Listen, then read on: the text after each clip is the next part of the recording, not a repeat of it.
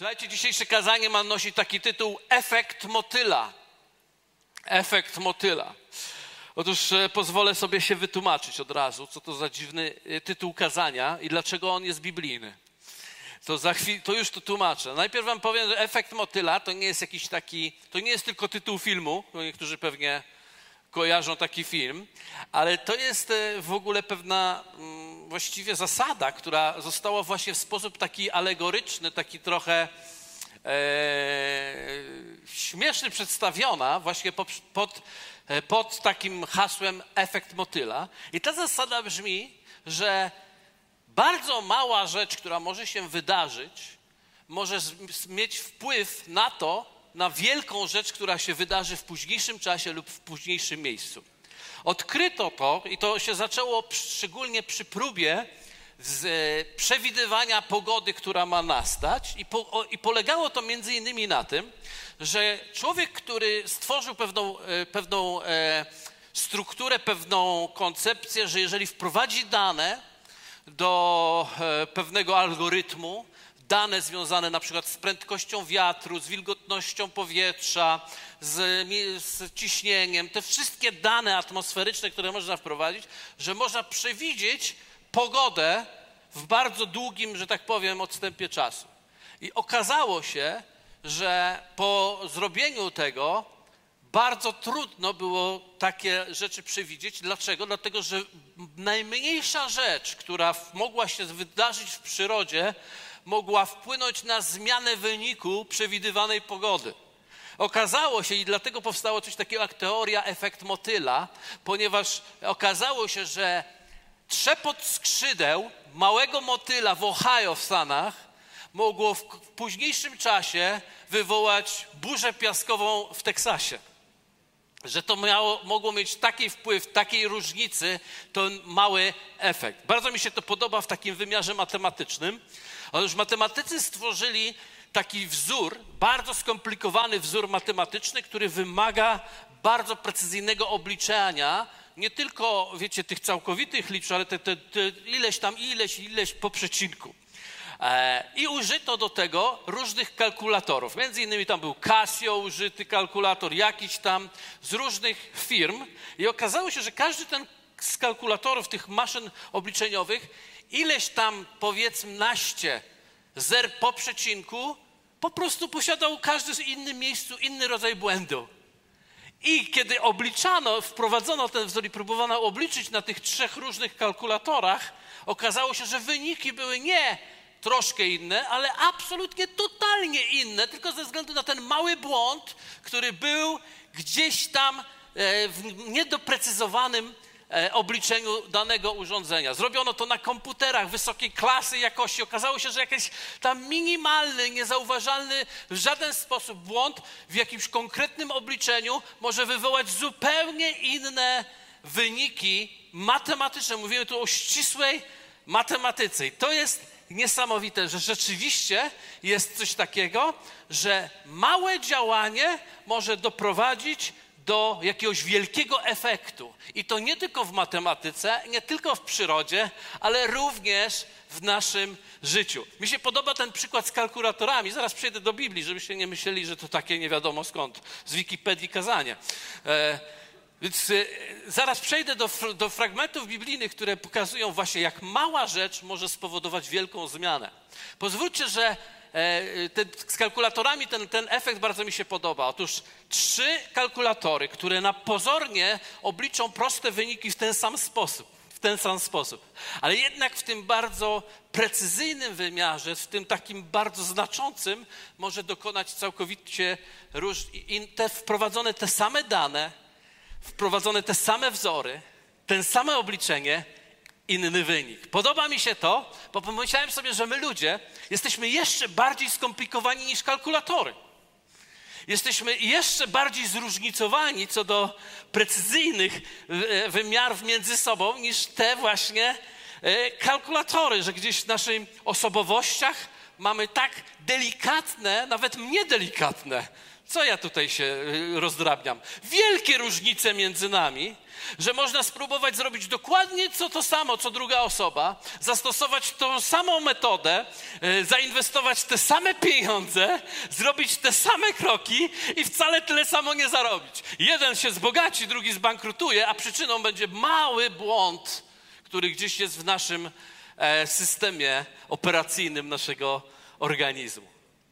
Niesamowite, prawda? Tak sobie pomyślałem, chyba zaczynam rozumieć, dlaczego Bóg tak bardzo mocno przykłada wagę do tego, żebyśmy nie porównywali się i nie próbowali siebie kopiować, ale jednak odkrywali swoją drogę w naszym Bogu, który jest twórcą tego kalkulatora, jakim jesteś ty i ja. Amen? On wie dokładnie, jakie dane wprowadzić, on wie dokładnie, jakie działania przeprowadzić, aby uzyskać właściwe efekty, ponieważ efekt motyla ma to do siebie, że może być e, efektem pozytywnym, jak i e, negatywnym. My, wierzący ludzie, nie lubimy tak naprawdę tego efektu motyla, e, zwłaszcza jeśli jest to tego rodzaju działanie, które wywoła niepożądane efekty. Biblijny przykład chyba najbardziej znany. Jeden kęs jakiegoś rajskiego owocu powoduje absolutną zmianę, potężną zmianę, właściwie globalną zmianę w konsekwencji na cały świat. Czy to nie jest ten efekcik motyla, który robi potężną zmianę, robi taką wielką zmianę, ten mały kęs, ten małe działanie, to mało znaczące działanie, to, to działanie, które ja nazywam, a ja wiem lepiej, bo od tego się ono zaczęło. Mało tego, wiem lepiej. Ewa, kiedy patrzyła na owoc, mówiła: On jest dobry do jedzenia. On jest godny pożądania i jest przyjemny do spożycia.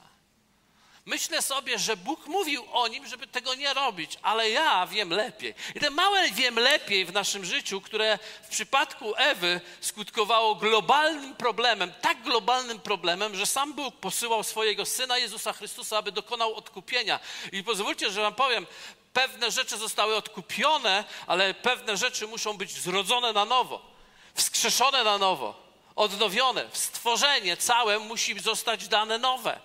E, ciała nasze muszą dostać, muszą zmartwychwstać jako nowe, uwielbione, ponieważ Bogu dziękuję, że On zaingerował w historię i zmienił ten efekt motyla w ten Boży efekt, ale nawet te działanie Chrystusa na krzyżu nie przywróciło tego, co było przed. Konsekwencje swoje przyszły i tak, i tak. Zauważyliście to? Niesamowite konsekwencje przyszły i tak, i tak. Pozwólcie, że pokażę wam to w takim też znanej historii. To jest historia Abrahama, ojca wiary, tego, który dostał obietnicę. Dostał fantastyczną obietnicę. Dostał obietnicę, że z jego lędźwi zrodzony zostanie potomek i ten pot, i właściwie z jego lędźwi zostanie zrodzony całe narody, mnóstwo ludu. Bóg pokazywał mu gwiazdy na niebie, pokazywał mu piasek na pustyni i mówi: Tak liczne będzie Twoje potomstwo, że nikt nie będzie w stanie je policzyć. Ale dostał też obietnicę ziemi. To była ziemia Kanaan. Został wprowadzony do tej ziemi, do ziemi Kanaan, i tam w tej ziemi, mając już wow, swoje, że tak powiem, lata, dojrzałe lata, za, za chwilę miał mieć 100 lat, za niedługo miał mieć już 100 lat, nie ma jeszcze syna. I w tym czasie właśnie, kiedy on dzieli się ze swoją żoną Saraj i mówi, słuchaj, kochana, będziemy mieli syna, Bóg nam o tym powiedział. I ona wtedy wpada na taki pomysł. Wiecie, my wpadamy na pomysły. Ktoś kiedyś powiedział: Chcesz rozśmieszyć Pana Boga, podziel się z nim swoimi pomysłami na życie. Więc on na, wpadła na pomysł. I ten pomysł był taki: jest taki zwyczaj w takiej starożytnej kulturze, że jeżeli weźmiesz moją służącą i, i współżyjesz z nią i ona pocznie dziecko i urodzi na moich kolanach, to to dziecko będzie należało do mnie. Wspaniały pomysł. Pamiętaj, jeszcze jedna rzecz, taka uwaga, to jest taka, że Saraj już utraciła cykl. My już wiemy, co to jest. Myślę, że większość wie, co to jest. To znaczy, że e, biologicznie, organicznie nie mogłaby właściwie zejść w ciążę, więc e, no, czyż to nie jest fantastyczny pomysł? To jest fantastyczny e, pomysł. Jest Boży, Boża wizja, Boża perspektywa. Bóg mówi, będziesz miał syna i jest ludzka odpowiedź. Wiemy, jak to zrobić. Wiem, jak to zrobić. Mam pomysł, bo wiecie, jesteśmy kreatywni w naszym myśleniu, jesteśmy kreatywni w naszych pomysłach, w naszych myślach, więc on ma, ona ma pomysł. I posłuchajmy ten pomysł. To jest w pierwszej księdze Mojżeszowej w rozdziale 16. A Saraj, żona Abrama, nie urodziła mu dzieci, lecz miała niewolnicę Egipcjankę imieniem Hagar. Rzekła więc Saraj do Abrama, oto Pan odmówił mi potomstwa. Obcuj proszę z niewolnicą moją, może z niej będę miała dzieci. I usłuchał Abram rady Saraj. Wiecie, kiedy, kiedy jest naprawdę sensowny pomysł, to nawet Abram myśli sobie, wow, to nie jesteś głupia baba. Przepraszam, nie powinienem tutaj, nie jesteś głupią kobietą. Nie, nie, inaczej, nie jesteś niemądrą kobietą. To fajnie i fantastycznie, świetny pomysł. I posłuchajmy dalej. Wzięła więc Saraj, żona Abrama, niewolnicę swą Hagar, Egipcjankę. Było to po dziesięciu latach pobytu Abrama w ziemi kananejskiej. Pozwólcie, że tutaj chwilę się zatrzymam.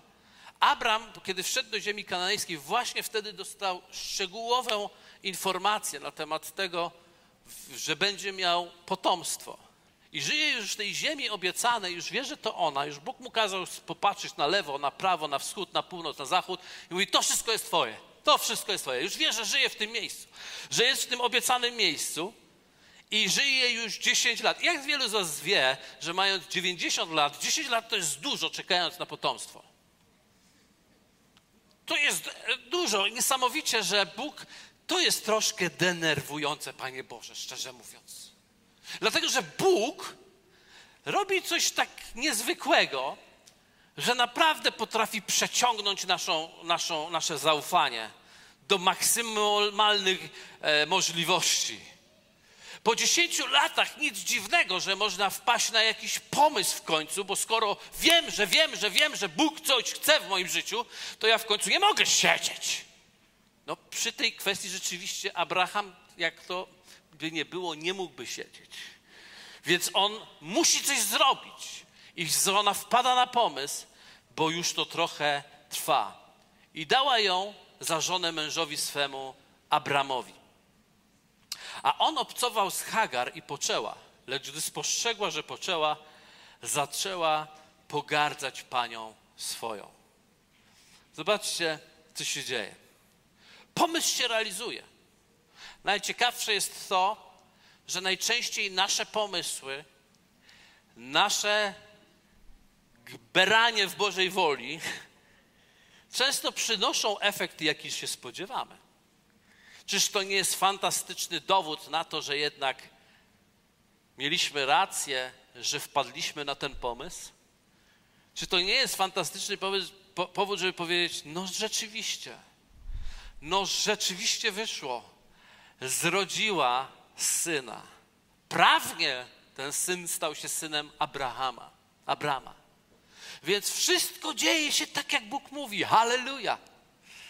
Zróbmy wielkie święto. Celebrujmy to. Dlaczego o tym mówię? Dlatego, że zauważyłem jedną rzecz, że wszystkie nasze pomysły często, zanim się okażą, że niech do końca były dobre, na początku zwiodą nas i dadzą nam taką poczucie, jakby to wszystko działo się za wolą Bożą. I niestety musimy czasem czekać lata, zanim ten efekt motyla przybierze tą ogromną postać i ten i zamanifestuje się w rzeczywisty sposób w naszym życiu. I też z drugiej strony, nie do końca wierzymy, że ja, taki mały motylek życiowy, mogę tak machnąć skrzydłami, że to będzie miało swoje konsekwencje. W Bogu wszystko ma konsekwencje. Ja jestem zadziwiony, kiedy czytam Biblię o jakimkolwiek, o jakimkolwiek mężu Bożym. Czy to będzie Dawid, czy to będzie Salomon, czy to będzie y, y, ten Saul, czy to będzie ten Samson, wielki, wielki siłacz Boży, że prosty, niewłaściwa decyzja, malutka, malutka, zbyt długo patrzenia na balkonie na nieodzianą niewiastę, zbyt duże napojenie się alkoholem, zbyt duża pewność siebie, bo jednak Bóg mnie używa. Te drobne rzeczy, one potem czytamy w Biblii. W Biblii to jest fajnie, bo w Biblii to od razu dostał strzał, efekt jest. Nie zauważamy tego czasu, który tam płynie, dlatego w naszym życiu, kiedy zrobimy nawet jakąś rzecz, która może jest takim małym kompromisem, to mówimy na drugi dzień się budzimy, nic się nie stało, mówimy wow, halleluja. W sumie to nic takiego, a efekt jest pozytywny. Przecież stało się to, co Bóg zapowiedział, że się stanie. Abraham otrzymał syna. Dopiero z czasem, powolutku, zaczęło się okazywać, że Hagar zaczęła pogardzać swoją panią. Więc jakiś efekt się zaczynał dziać. Później Saraj pomyślała sobie, trzeba napomnieć Abrahama, żeby on, on ustawił jej niewolnicę. Abraham mówi, to jest twoja niewolnica, ty się nią zajmij. Zaczyna się konflikt na początku bardzo niewinny, ale jednak później okazuje się, że syn, który jest zrodzony, Bóg o nim mówi tak, popatrzcie, to jest dalszy werset z pierwszej księgi Mojżeszowej 12. Będzie to człowiek dziki, ręka jego będzie przeciwko wszystkim, a ręka wszystkich będzie przeciwko niemu i będzie nastawał na wszystkich pobratyńców swoich. Zobaczcie ten werset. Czy on wam się z, czymś nie kojarzy? Nie wiem, czy wiecie, ale dzisiaj wszyscy Arab, wszystkie arabskie kraje, te muzułmańskie kraje powołują się właśnie na Ismaela jako ich praojca.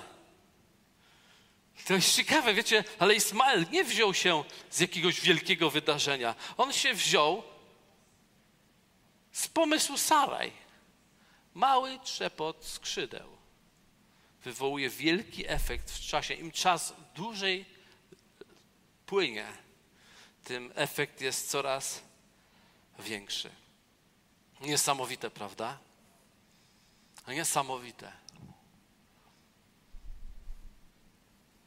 Potrzebujemy zrozumieć i zobaczyć to, i właściwie w całym naszym chrześcijańskim życiu, bo tak sobie myślimy, a w momencie, kiedy przyjęliśmy Jezusa, to każdy nasz trzepot skrzydełek to właściwie nie będzie miał żadnych konsekwencji, bo jesteśmy pod przykryciem krwi Chrystusa. Fajnie to brzmi, oprócz tego, że nie jest to prawdziwe. Wolna wola do trzepania skrzydłami jest udzielona każdemu z nas. Jeden z największych darów od Boga, ale z drugiej strony jest to jedna z największych odpowiedzialności, które my jako ludzie nosimy. On uczynił nas wolnymi i tylko w tej wolności możemy w wolny sposób poddać się pod Jego prowadzenie, Jego autorytet. Bez trzepania swoimi skrzydłami. Jeśli mają jakieś trzepotać skrzydła, to niech trzepoczą skrzydła, ale Bożych aniołów, których Bóg posyła do naszego życia, aby wywołały właściwy efekt we właściwym czasie. Amen? Jesteście ze mną? I to jest bardzo ważne, żebyśmy zrozumieli jedną bardzo kluczową rzecz, którą mamy zawartą w księdze Izajasza. Popatrzcie na nią. Księga Izajasza, rozdział 55. Werset 8 do 9 mówi: Bo myśli moje to nie myśli wasze, a drogi wasze to nie drogi moje, mówi Pan. Lecz jak niebiosa są wyższe niż ziemia, tak moje drogi są wyższe niż drogi wasze i myśli moje niż myśli wasze. Czy widzicie w tym fragmencie właśnie tą różnicę między tym myślą Saraj, a myślą Boga? Bo nie wiem, ilu z was wie, pamięta tą historię, ale kiedy już zrodził się Ismael. I kiedy już miał 13 lat, Bóg przyszedł do, do Abrahama, który tak naprawdę miał też swój pomysł, bo dużo wcześniej wymyślił, że swoje dziedzictwo przekaże komuś innemu. Eliezarowi z Damaszku, bo tak obliczył sobie, że pomimo tego, że nie ma po powiązań krwi, to jednak on jest jakby najbliższy, który mógłby dziedziczyć mój majątek. Więc sobie wykombinował, żebyśmy nie potępiali tylko to i Saraj. Zobaczcie o Abrahamie, on sam też kombinował i pomyślał sobie, Eliazar z Damaszku będzie dziedzicem i z tego zrobię jakoś ten naród, jakoś tą wolę Bożą wypełnię. I Bóg mówi, nie, ten nie będzie, ale będzie pochodził z twojego łona. Wtedy wymyśliła Saraj ten pomysł z Hagar, ale to okazało się po następnych 13 latach, że Bóg przychodzi do Abrahama i mówi, nie, pomimo tego, że już ciało te nie działa i te nie działa, to jednak ja przychodzę ze swoją mocą, z trzepotem swoich skrzydeł, które wywoła taki efekt w tobie i w twojej żonie i sprawię, że połączy się jedno z drugim i stworzę nowe życie i moją drogą rozwiążę ten problem, który się stworzył przez wasze pomysły. I ja przyjdę, aby przyszedł potomek, którego ja powołuję i którego ja wybrałem, Izaak będzie się zwał. Aleluja. Niesamowite jest to, że kiedy Abraham to usłyszał, zaczął się śmiać. Potem, kiedy Saraj to usłyszała, zaczęła się śmiać. Ciekawe, co Bóg robił, kiedy usłyszał pomysł Saraj. Wiecie, musimy rozpoznać, kto z czego się śmieje, bo to ma kluczowe znaczenie dla naszego życia. Kluczowe znaczenie jest, że Jego myśli nie są nasze myśli, Jego drogi nie są nasze drogi. Więc w pewnym sensie potrzebujemy nauczyć się podważać sobie nasze drogi podważać sobie, nie możemy tylko wprowadzić do, do, kalkulatora danych, które w innym kalkulatorze wywołały taki efekt, bo wprowadzimy do tego kalkulatora dane i wyjdzie zupełnie inny efekt. Kto wtedy będzie winny? Bóg będzie winny. To on jest niesprawiedliwy, bo w Casio wyszło inaczej, a w tym wyszło inaczej. A prawda jest taka, że Bóg mówi: powiesz mi swoje drogi ponieważ moje drogi górują nad Twoimi drogami, a moje myśli górują nad Twoimi myślami. Moi drodzy, wybaczcie, ale dzisiaj mam takie poselstwo.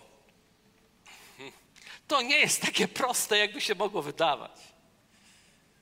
To naprawdę wymaga pokory, uniżenia przed naszym Bogiem, aby dać Mu prawo do decydowania o naszym życiu. Ja wiem, że my wszyscy śpiewamy Decyduj, Boże, o naszym życiu. Wiecie, co my śpiewamy? Ja ciekaw jestem, zawsze zespół. Ja, nie, nie, wy nie wiecie o tym, ale myśmy nie ustalamy, nie mamy czasu. Tyle tych spraw czasem w kościele jest, nie mamy czasu, nie ustalamy z zespołem, o czym będę głosił. I co słyszę dzisiaj? Jeśli idę tam, gdzie nie idziesz ty, zatrzymaj mnie. Piękna pieśń, prawda? Ona ma fajną melodię w ogóle. Ją śpiewa się we wszystkich kościołach. Wiesz, Fish Eclectic ją wypuścił i śpiewa się dzisiaj wszędzie. Już się na języki ją przemienia inne, żeby w innych krajach ją śpiewać, bo fajnie brzmi, fajnie groovy, to fajnie wchodzi. Jeśli idę, tam gdzie nie idziesz, ty zatrzymaj mnie. A ja tak stoję dzisiaj i myślę sobie, czy naprawdę wiem, co śpiewam? Czy naprawdę chciałbym, żeby Bóg mnie zatrzymał w moich pomysłach, w moich planach, w moich pragnieniach? W tym wszystkim, co Boże masz dla mnie? Jan od krzyża, niech mi wybaczą wszyscy hejterzy, że zacytuję tego klasyka i mistyka. Ale to mnie dotknęło i dzisiaj komuś mówiłem, że może kiedyś kazanie zrobię, ale pomyślałem sobie, powiem od razu, a co? Jan od krzyża powiedział, że człowiek decyduje w swoim życiu trzy, w oparciu o trzy rzeczy. Pierwsze to o to swoje doświadczenie, które miał do tej pory. Drugie to o swój rozum. I trzecie o swoje pragnienia. Czyli moje doświadczenie dotychczasowe, mój intelekt, czyli moja analiza, moje rozważania i trzecie moje pragnienia właściwie najczęściej decydują o tym, co ja zrobię w życiu, jak będę szedł dalej do przodu. A Jan od Krzyża powiedział, ale Bóg posłał trzy niesamowite moce. Trzy moce. miłość, wiara i nadzieja. I mówi tak, kiedy masz, że miłość, nie, może tak, czekajcie, żeby mnie.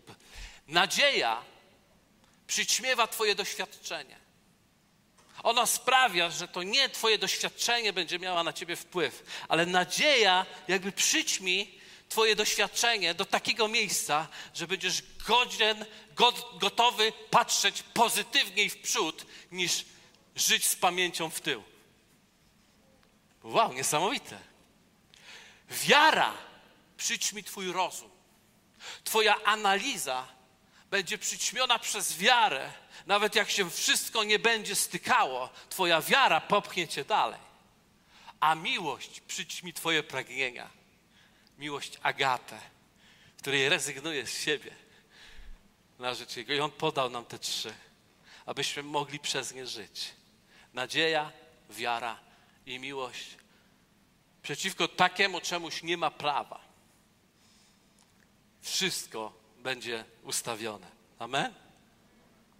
Popatrzcie na Łukasza, 16 rozdział, werset 10.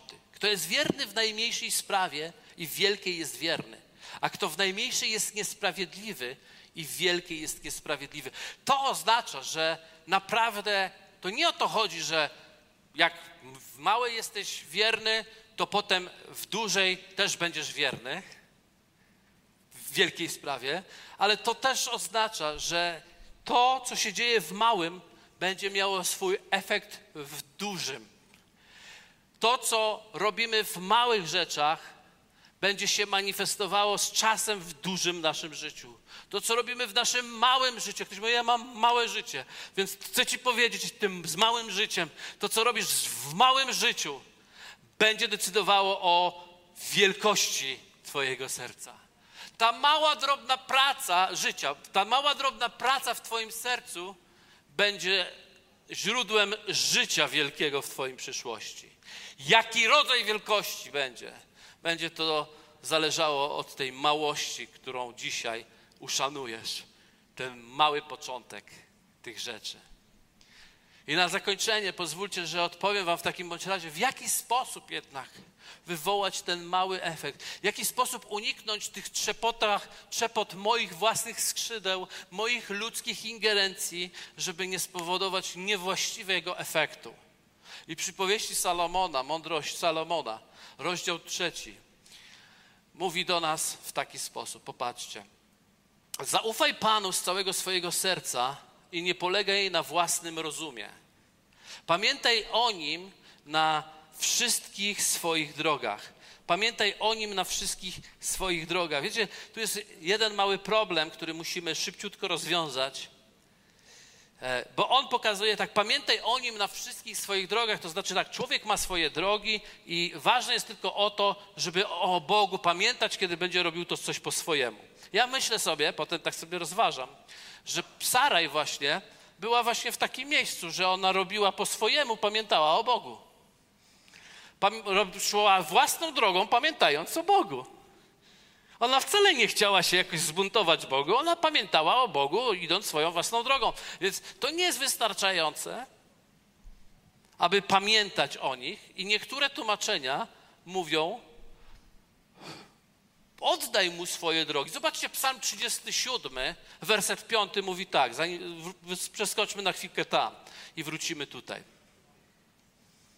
37 Psalm, werset 5. Powiesz Panu drogę swoją, zaufaj Mu, a On wszystko dobrze uczyni. Widzicie różnicę, że jest różnica między pamiętaj na swoich drogach o Bogu, a jest powiesz swoją drogę Bogu. I kto wszystko dobrze uczyni? Nie ty, tylko On wszystko dobrze uczyni. Ale musi to uczynić moimi rękami. Tak, bardzo często będzie czynił Twoimi rękami, ale to będzie wynik nie Twojego pomysłu, nie Twojej intelektu, bo Biblia mówi, nie polegaj na swoim rozumie, a dosłownie na intelekcie, bo my często polegamy na tym, że mamy, przecież się znamy, przecież my to wiemy, to jest, ja w tym jestem mocny, ja w tym jestem silny. ale będziemy polegać całkowicie na Jego głosie w naszym życiu. Dlatego będziemy chcieli, aby to On do nas mówił. I wróćmy do tego przypowieści Salomona teraz, do trzeciego rozdziału. Pamiętaj, powiesz Jemu swoje drogi, a On będzie prostować Twoje ścieżki. Uważaj, nie uważaj się za mądrego, bój się Pana i unikaj złego. Czy zwróciliście na to uwagę? Że Bóg mówi: podważ to, co Tobie się wydaje dobre, aż do momentu, kiedy będziesz miał głos Boży i potwierdzenie z nieba, że to jest dobre. Bo mały trzepot skrzydeł wywoła wielki efekt w Twoim życiu. Wiecie, akurat jestem w miejscu, kiedy słyszę o różnych sytuacjach. O małżeństwach, które teraz się rozpadają, a byłem przy nich, kiedy były na początku. I pamiętam, o czym mówiliśmy na początku. I pamiętam, co oni trzepotali na samym początku. A dzisiaj mają wielki efekt. I myślisz sobie, i ktoś mówi, co się stało? Jakby ci to wytłumaczyć? Ja bym chciał, żeby to było szybciej. Naprawdę. Nie dlatego, żeby coś ich ukarało, ale dlatego, żebyśmy to szybciej się uczyli.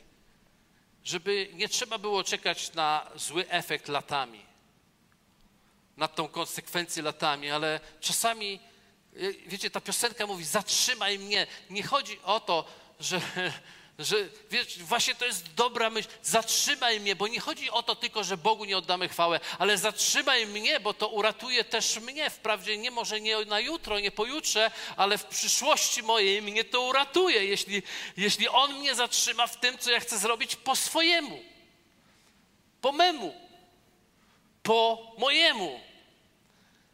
Nie uważaj siebie za mądrego, to znaczy, że potrzebujemy mądrości, nabyć ją z zewnątrz. Potrzebujemy szukać Boga, potrzebujemy pytać Boga, potrzebujemy obcować z Bogiem do momentu, aż zacznie do nas mówić w tej kwestii. Nie może to by wydawać się tylko dobrym pomysłem. To musi być z Boga. I druga rzecz, po co jesteś w kościele? Po to, żeby Bóg przez innych mówił do ciebie również. Bóg tak to wymyślił, że gdzie wielu doradców, tam plany nie, przeszkoda. Czy tak jak w naszych Bibliach, tam ziszczą się plany. Po to jesteśmy razem, żeby ze sobą rozmawiać, żeby się wspólnie o coś modlić, żeby razem odkryć w Bogu, bo żyjemy często po swojemu, potem mamy efekty, które chcemy obdarzać wszystkich. Efekty zawsze wpływają na wszystkich, nigdy na tego, który zatrzepotał skrzydełkami. Ale chcę Wam powiedzieć, że mały motyl może wywołać wielki efekt, ale nasz Bóg ma większe skrzydła. Skrzydła gołębicy, która siada na nas. Skrzydła aniołów, które wieje na nas. I on może odwrócić każdy efekt. Nie wszystkie odwróci całkiem, tak jak w przypadku ugryzionego owoca w raju. Ale wszystko dobrze uczyni. I już dzisiaj możesz zaprosić go do swojego życia. Ktoś powie, ja go zaprosiłem.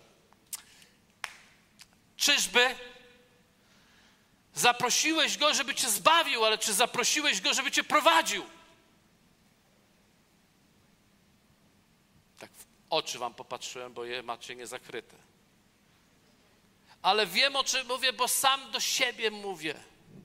Że coś innego jest chęć i prośba Bogu, aby mnie błogosławił, a co innego, aby mnie prowadził. I to brzmi ładnie w pieśni, ale w życiu jest to bolesne, jest to wyciskające czasem łzy, jest to zaparcie się samego siebie. W tym filmie oglądaliśmy, jakich wspaniałych, luksusowych czasach żyliśmy. Ci, co się nie żyjemy, ci, co się nie spóźnili, widzieli ten film. Że dzisiaj nawet ubogi człowiek ma lepiej i więcej niż król w którymś tam wieku. Jest niesamowite, ale taka różnica jest faktycznie w komforcie, w jakości życia, w tym e, funkcjonowaniu. I wiecie, co dzisiaj Duch Święty woła do Kościoła? Do ciała Chrystusa? Zatrzymaj się. Zatrzymaj ton, tego ducha komfortu. Zaprzyj się samego siebie. Szukam armii ludzi, którzy się gotowi zaprzeć samego siebie, zaufać Bogu do końca, nie tylko częściowo, ale do końca, w stu procentach.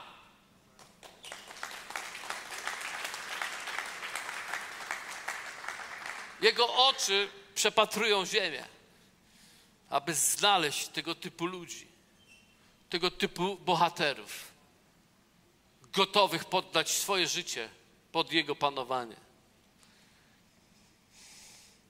Od Ewangelia pełna.